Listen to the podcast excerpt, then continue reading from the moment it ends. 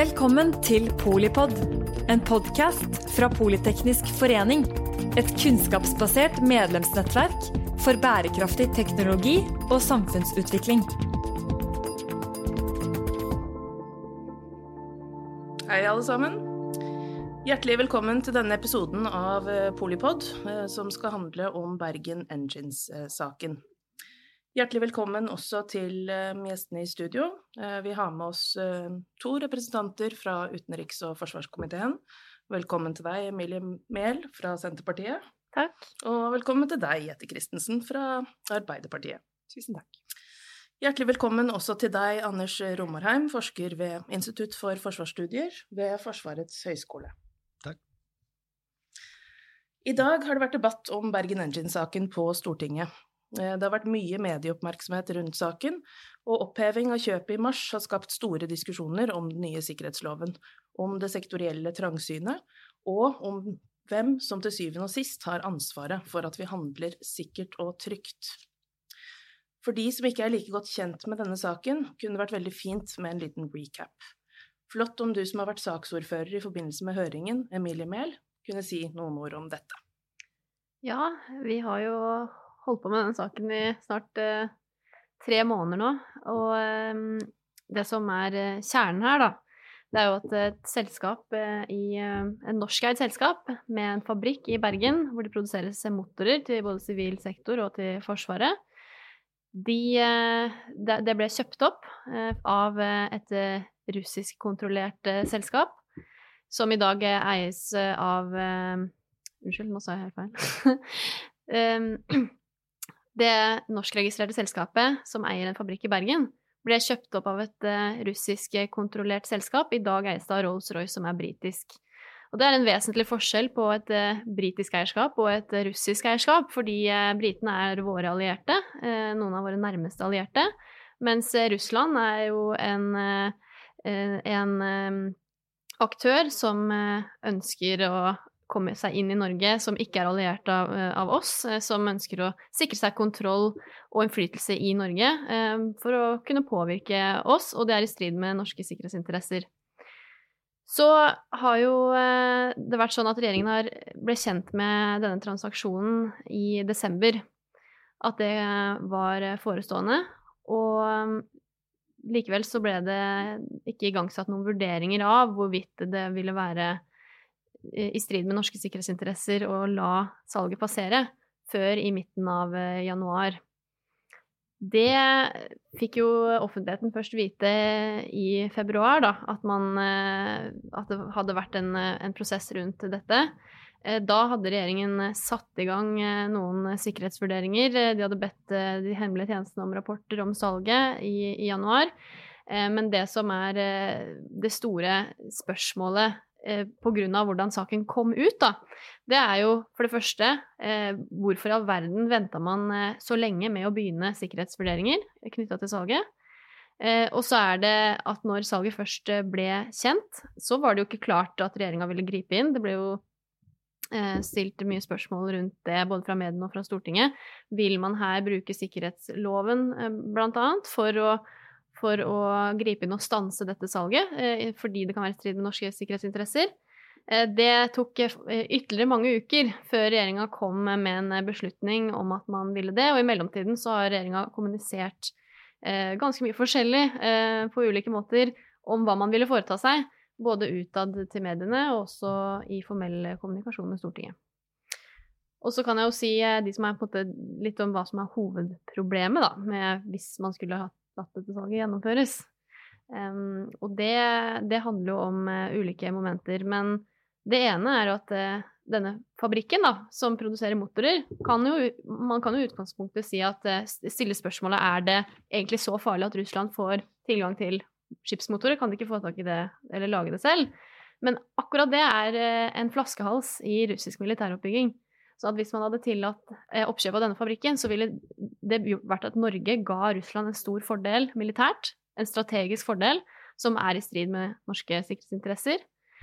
I tillegg så er jo fabrikken beliggende på et ganske sentralt sted i Bergen. Det er eh, i innseilingen eh, til Bergen. Det er i nærheten av bl.a. Haakonsvern forsvarsanlegg. som også er jo Det er jo kjent også at russerne ønsker seg kontroll i Norge, bl.a. gjennom å kjøpe opp strategisk plasserte eiendommer. Og så er det jo at vi ikke ønsker en teknologioverføring, og vi ønsker ikke å gi russerne innsyn i, i teknologi som er nå i våre forsvarsskip, bl.a. i spionskipet Marjata er det motor fra denne fabrikken, og i kystvaktskipene. Eh, sånn at eh, kontrakter som eh, denne fabrikken hadde med Forsvaret på vedlikehold og leveranser, ville vært umulig å videreføre da, hvis man skulle fått et russisk eierskap. Man kan vel på sett og vis si at um, altså teknologien i seg selv ikke er spesielt sensitiv, men pga. sanksjonspolitikken som har vært ført, så har teknologien blitt mer attraktiv for russerne. Vil det være riktig forstått? Det, også, altså det, er også deler av denne eh, teknologien som kan være sensitiv i seg selv, men, eh, men, eh, men, Så jeg skal ikke utelukke det heller. Men, men, noe av hovedproblemet her er at Russland har et leveranseproblem da, med, med å få tak i motorer. De kommer ikke Altså hvis det er en flaskehals, da, så det, det stopper Det stopper en stor utvidelse av dem, deres marine. Og hvis de hadde fått tilgang til akkurat det elementet som de mangler, så ville det muliggjort eh, en, eh, en styrking av deres militære kapabiliteter, som eh, jo er noe Norge ikke ville vært tjent med sikkerhetspolitisk, og som ville vært klart i strid med norske sikkerhetspolitiske interesser. Det var veldig, veldig opplysende og oppklarende for meg, i hvert fall. Det har jo vært en relativt både dryg og forvirrende prosess for oss som står utenfor og har, har fulgt med. Nå ble det jo sånn til slutt at, at det var anvendelsen av sikkerhetsloven paragraf 2-5 som eh, stanset kjøpet. Eh, og det kom jo tydelig frem også at eh, det slett ikke var alle som var veldig godt kjent med denne sikkerhetsloven, og hva den egentlig innebærer. Ikke så rart, vil enkelte si, fordi den er relativt ny. Eh, men nettopp av, den grunn så vil det være interessant å høre litt mer om hva denne eh, nye sikkerhetsloven faktisk eh, innebærer. Hvilke forskjeller den har fra den forrige sikkerhetsloven, og litt om anvendeligheten. Så vidt jeg husker, så satt du i sekretariatet for utarbeidelsen av nettopp denne sikkerhetsloven, Romarheim. Ja, det stemmer at jeg var i sekretariatet til lovutredningen, som Sikkerhetsutvalget da gjorde. Eh, det var et veldig spennende arbeid. Det er nok riktig. La meg bare understreke at mitt, nå snakker jeg om mitt syn, og utvalget og innstillingen eh, som kom og NOU-en, den, den, oppfordrer alle til å sette seg inn i. Eh, men mitt syn for hvorfor vi fikk denne revideringen av sikkerhetsloven, var eh, tredelt. På topp vil jeg si at grunnen var at det hadde kommet en oppfinnelse som het internett. Og den var lite målbært og ivaretatt i sikkerhetsloven fra 1998. Helt fraværende komplett utdatert på IKT-sikkerhet. Eh, så det var den viktigste grunnen til at en lovrevisjon var påtvingende viktig.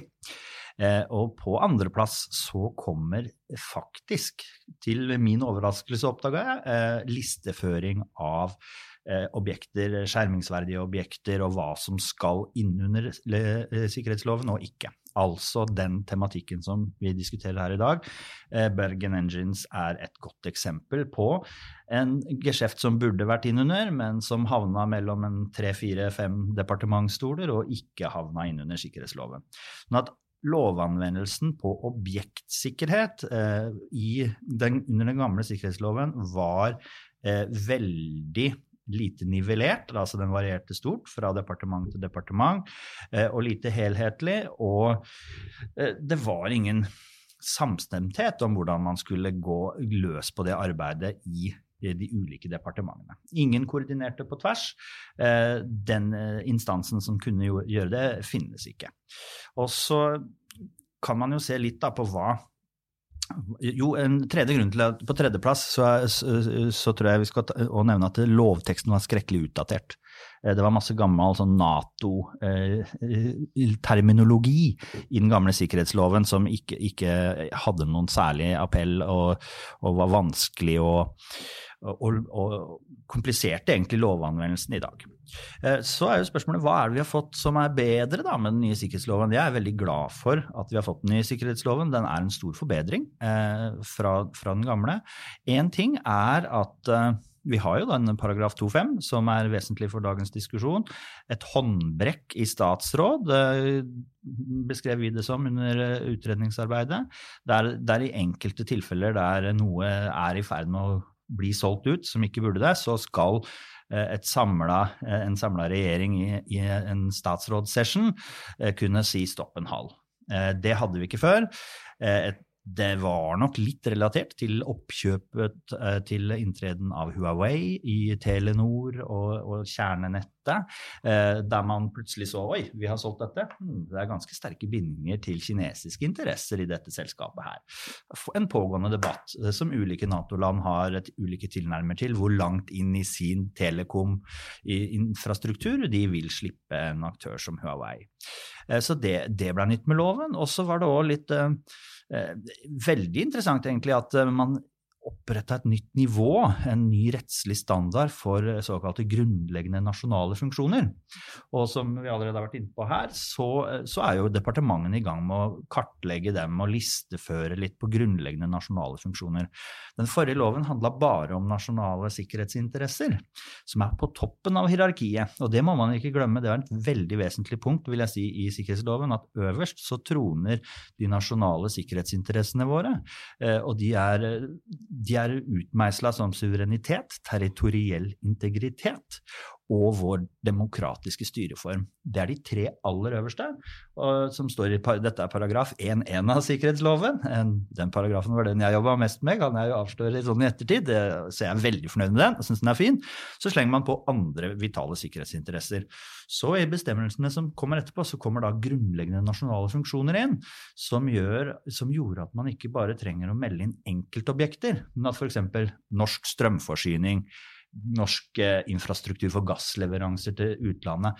Hele systemer, funksjoner, kunne da tas tydeligere inn. Dette ble jo også nyttig i finanssektoren, der det er vanskelig å si at én bank eller én del av eh, finansnæringen er veldig viktig, men hele systemene, hvis du kan ta ut de gjennom en målretta eh, cyberangrep, så er det veldig, veldig farlig. Så Det er noen av de tingene som var årsaken til at vi trengte en ny sikkerhetslov, og et par-tre av de tingene som jeg syns er veldig bra da, med den nye sikkerhetsloven. Så påpeker du også eh, altså kompleksiteten i eh, disse relativt uoversiktlige verdikjedene. Eh, at det er jo ikke nødvendigvis én en enkelt transaksjon som er problemet, men det er jo når ting settes i sammenheng, og ulike hendelser settes i sammenheng, at det kan utgjøre en risiko. Og det, det er jo mye av det vi står overfor med det, det sammensatte trusselbildet som, som vi har i dag. Og hvem er det per nå som har ansvaret for å nettopp se disse tingene eh, i sammenheng? Ja, det er, det er, et godt spørsmål. Um, jeg er jo frista til å, å, å, si ingen. Eh, det er jo ikke helt riktig, men det er litt for lite kraft bak instansene til å gjøre dette. Eh, et bedre, litt mer presist svar er jo at Regjeringens sikkerhetsutvalg eh, er på en måte det overordna sikkerhetsorgan i den norske statsforvaltningen. Det, det, er på toppen, det ledes av statsministeren. Du har fastmøtene møtene fra de viktigste departementene med tanke på nasjonal sikkerhet. Men dette organet var et møte, og er fortsatt litt mer et jevnlig møte enn en tydelig aktør med et, et, et operativt sekretariat. Eh, det er et sekretariat som ikke så mange kjenner til, eh, men håndfull fem-seks personer som jobber med saksforberedelse og sørger for at eh, regjeringens sikkerhetsutvalg arbeid drives framover. Gjørv-kommisjonen eh, påpekte at det var for lite trøkk i RSU, som er forkortelsen. Eh, Stoltenberg-regjeringen lovte å holde oftere møter eh, da de mottok Gjørv-kommisjonens anbefaling på det punktet. Men det er fortsatt litt for mye et møte og litt for, mye, litt for lite en operatør som kan gå ned og drive Sikkerhets-Norge rundt. Det er mitt inntrykk, da, sånn litt fra utsiden. Og, hvordan vi skal oppnå det, det er et godt spørsmål. Eh, verdt å nevne nå er jo at Justisdepartementet sitter på et ansvar for koordinering i sivil sektor. Men da har du jo litt av sektorprinsippet eh, og problemene med at et departement skal forklare et annet nøyaktig hva de skal foreta seg i sikkerhetsspørsmål.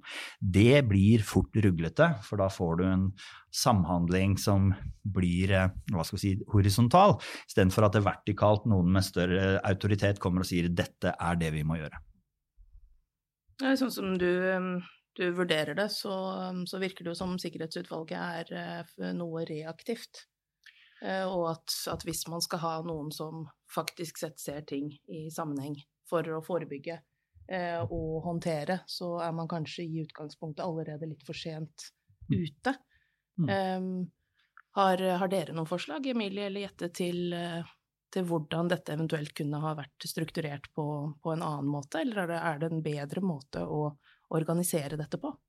Det er i hvert fall en veldig mye bedre måte å jobbe med norsk sikkerhet på enn det denne saken har vist. Um, nå har jo um, utenriks- og forsvarskomiteen um, jobba med dette lenge. Vi har hatt en høring, vi har fått en redegjørelse, vi har hatt flere debattrunder, vi har stilt flere spørsmål. Og på grunnlag av det så mener jeg at vi ikke ville gjort jobben vår hvis vi bare hadde beskrevet problemet. Eh, det vi har gjort i tillegg, er at vi har foreslått konkrete endringer som vi mener må til for å løse problemet. Fordi at eh, kritikk eh, er betimelig, det er riktig, men det løser ikke konkrete problemer som vi trenger en løsning på i dag. Fordi eh, det som har, vært, eh, blitt avdekka, er jo at det mangler en helhetlig forståelse av sammensatte problemer. Eh, både trusler er sammensatt, og handlingsmønster er sammensatt. og for å unngå Eh, at vi havner i denne situasjonen igjen, så må vi utruste hver enkelt som, er, som jobber med dette til dagen, eh, med eh, den verktøykassen de trenger for å gjøre det som de trenger å gjøre når trusler oppstår. Det er ikke godt nok å bare ha et operativt organ utenfra. Alle må kjenne dette, alle må føle dette, alle må eh, ha den tryggheten eh, tre som trengs for å sørge for at man gjør det som trengs, når det trengs. Det er et lederansvar å sørge for. Eh, det er ikke opp til hver enkelt departementsansatt eh, å lese eh, ugraderte rapporter fra EOS-tjenestene. Det er et lederansvar å sørge for at alle som er i, departementene, besitter den kompetansen. Fordi det er lett å eh, tulle med de tingene som er kommet fra regjeringen om dette, og de eksemplene som er vist at det mangler samarbeid, og at det mangler en felles sikkerhetsforståelse. Det er lett å tulle med at, er, at noen fra eh, Utenriksdepartementet har sittet og skrevet eh, i milelange Facebook-tråder til selskapet at vi ikke har noen, eh, noen, lovhjemmel til å stoppe dette salget, regjering, mens regjeringen sitter og jobber med nettopp den lovhjemmelen. Det er lett å tulle med at Næringsdepartementet sier at dette er en eh, transaksjon mellom to private aktører som eh, departementet verken skal eller vil blande seg i, eh, mens departementet nettopp sitter og jobber med å blande seg i. Eh, men eh, det, denne saken er jo et eksempel på at mangel på samarbeid og mangel på en felles sikkerhetsforståelse kan utgjøre en reell sikkerhetstrussel. Fordi eh, den garantien om at salget ikke skal bli stoppa, den ble gitt til selskapet. Det inntrykket til nasjonen Norge eh, om at vi ikke eh, vil foreta oss noe her, den ble gitt. Inntrykk om at eh, det ikke ville eh, skje noe politisk, ble skapt. Eh, særlig understreket av at forsvarsministeren svarte både eh, Enger Mehl og meg i, i spørsmål til Stortinget, der han skrev at sikkerhetsloven, dette selskapet ligger ikke inn under sikkerhetsloven. Punktum. Og derfor vil ikke sikkerhetsloven bli eh, anvendt her. Så i senere svar så sier han at eh, man vurderer andre deler av sikkerhetsloven osv. Men, men, men summen av dette skaper et rotete inntrykk, en utrygghet for selskap, ikke bare selskapet, men selskaper. Fordi eh, Bergen Engines eh, er jo et eksempel på at eh, eh altså Bergen Engines er jo bare en sak fordi selskapet trodde jo at de hadde en kjøper de kunne selge til. De ansatte trodde at, de, eh, at, det var et salg de hadde venta på som endelig skulle gå gjennom. Det var ingenting som tilsa at det skulle stoppes. Eh, en sånn usikkerhet kan ikke norsk næringsliv ha. Eh, og en sånn usikkerhet kan, heller ikke en regjering pålegge ansatte. Og den forutsigbarheten trenger norsk næringsliv å ha. det er på en måte det ene, men, de konkrete forslagene som vi legger opp til, er at, eller som jeg har foreslått, er for det første at vi trenger en kartlegging av sikkerhetskompetanse i alle departement. Alle departementer har ansvar for å listeføre. Eh, denne saken har med all tydelighet vist alle departement kan få et eksternt varsel om noe som er farlig. Det varselet kan dukke opp i en hvilken som helst innboks eh, eller en hvilken som helst samtale. Da må mottaker vite hva man skal gjøre. Den sikkerhetskompetansen er det et lederansvar å, å sikre.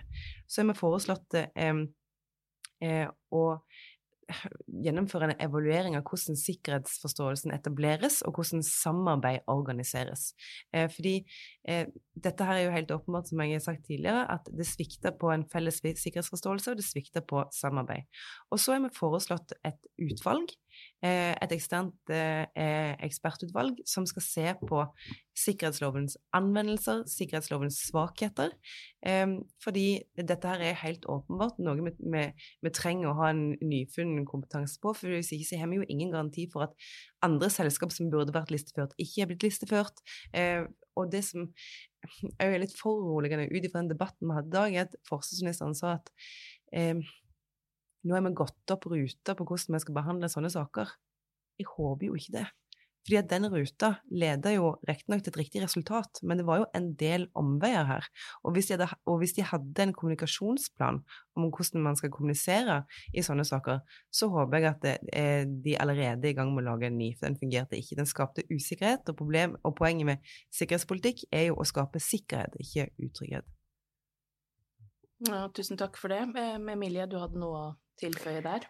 Ja, jeg, jeg sitter jo igjen nå med et inntrykk av at um, nå, er jo, nå, er det jo sånn at opposisjonen, som jeg selv er en del av uh, Vi har jo et flertall i Stortinget med Frp, Arbeiderpartiet, SV og, og, og, Senterpartiet, som vedtar sterk kritikk mot regjeringen. Og så opplever jeg at regjeringen tar det til seg til en viss grad da, og, og sier at uh, man, skal, man, har lært av denne saken. Og det er jo bra for oss alle, fordi hele poenget her må jo være å, å unngå at vi havner i en lignende situasjon igjen. Um, men det er jo det inntrykket som, eh, som, jeg opplever at saken etterlater seg veldig, det er jo det her med at alle har hatt litt ansvar, men så ingen har hatt det overordna ansvaret, på en måte.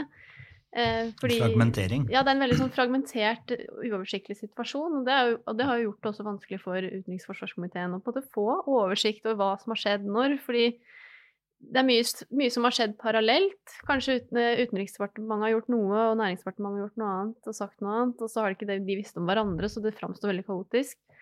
Eh, et eksempel er jo at, ehm, at eh, Næringsdepartementet Det var jo de som først kommenterte saken i media, egentlig.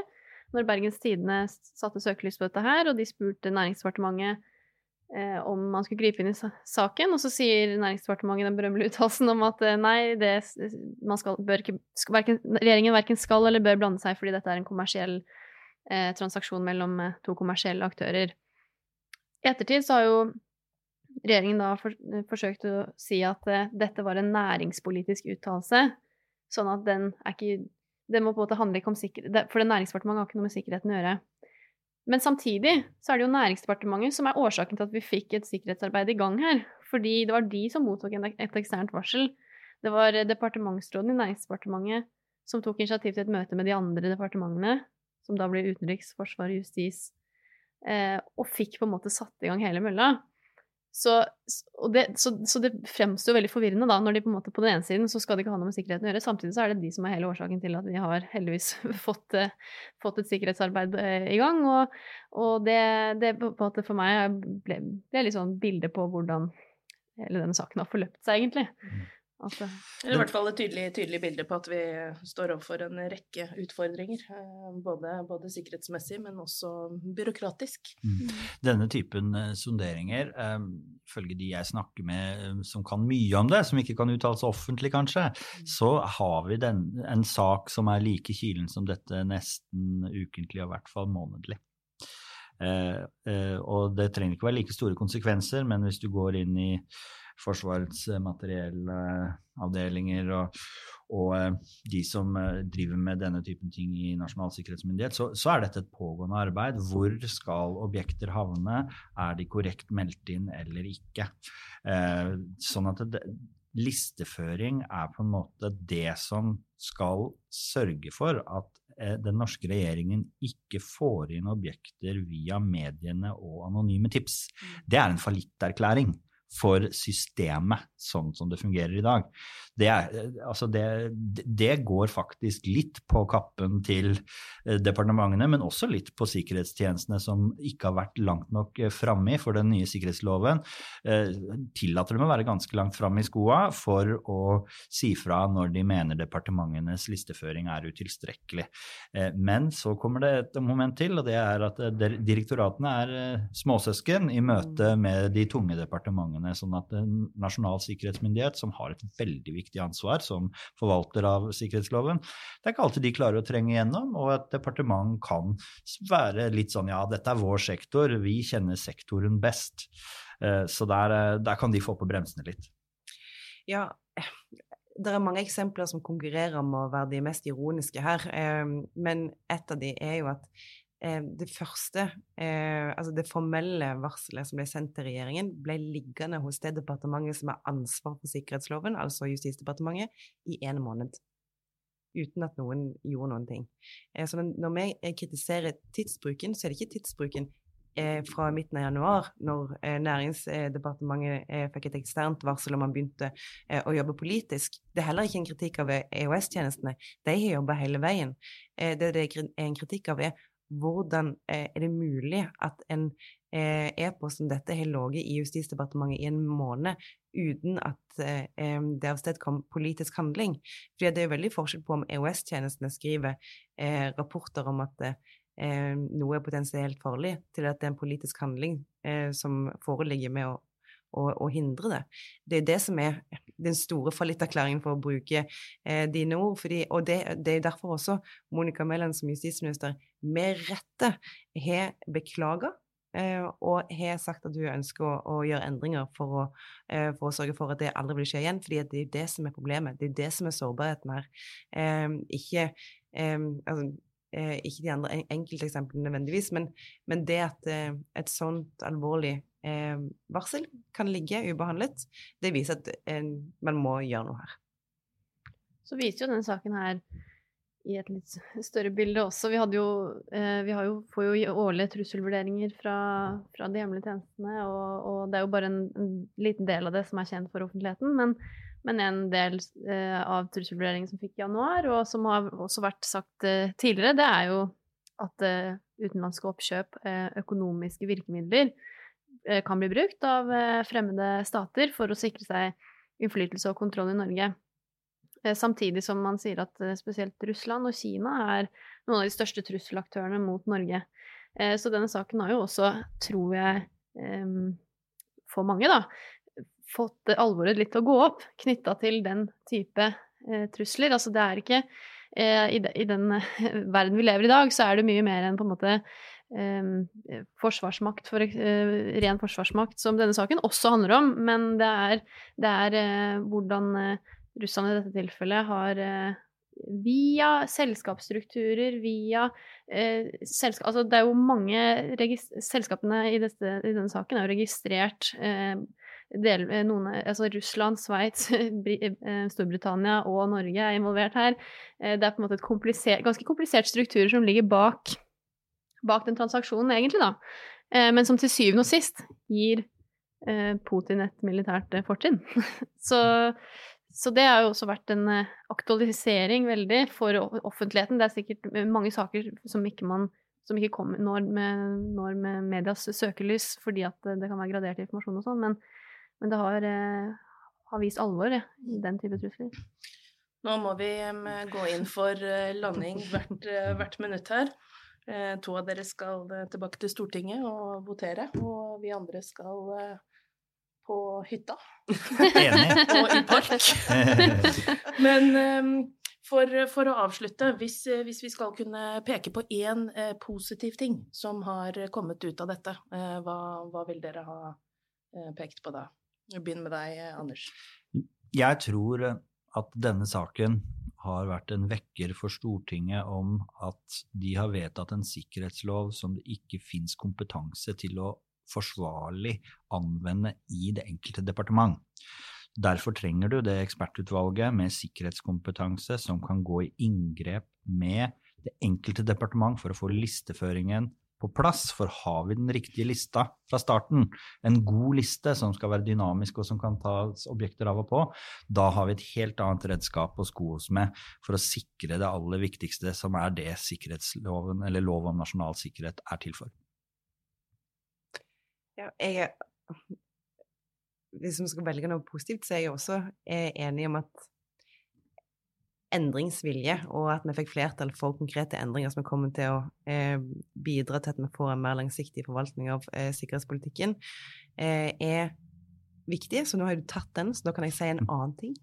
Eh, og det er at eh, bevisstheten om sammensatte trusler har økt. Eh, ikke bare i storting og regjering, men også ute i befolkningen. Fordi her det er jo det som gjør at eh, bildet er sammensatt, er jo at det er ikke bare produkt, men det er kombinasjonen av produkt og kjøper. Eh, og i tillegg kombinasjonen av produkt, kjøper lokasjon. Eh, og alle disse tingene endrer seg hele tiden over tid. Og det er jo bare én faktor som vi trenger å ha en økt bevissthet om.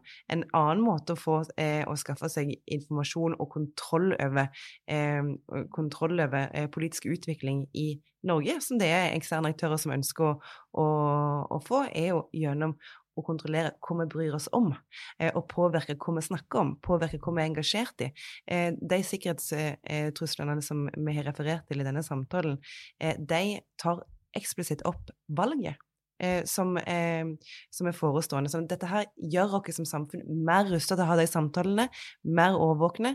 Så, og det kommer til å skje en endring. Så det er jo to positive ting. Jeg tenker eh, en åpenbar positiv ting er jo at eh, salget faktisk ble stanset i tide. Selv om det tok eh, lang tid, og det var mye negativ kommunikasjon osv.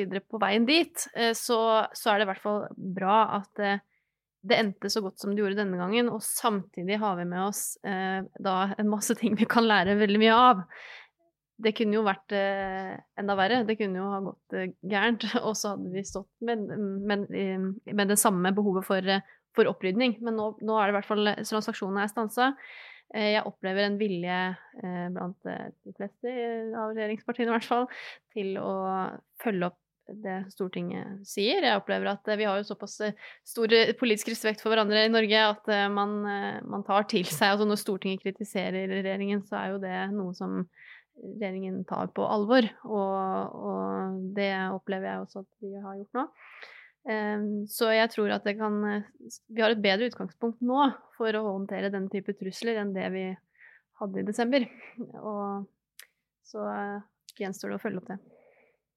Ja, økningen av det allmenne bevissthetsnivået bidrar jo også til å utvikle politisk og sivil motstandsdyktighet for bedre å nettopp kunne håndtere lignende utfordringer eh, seinere.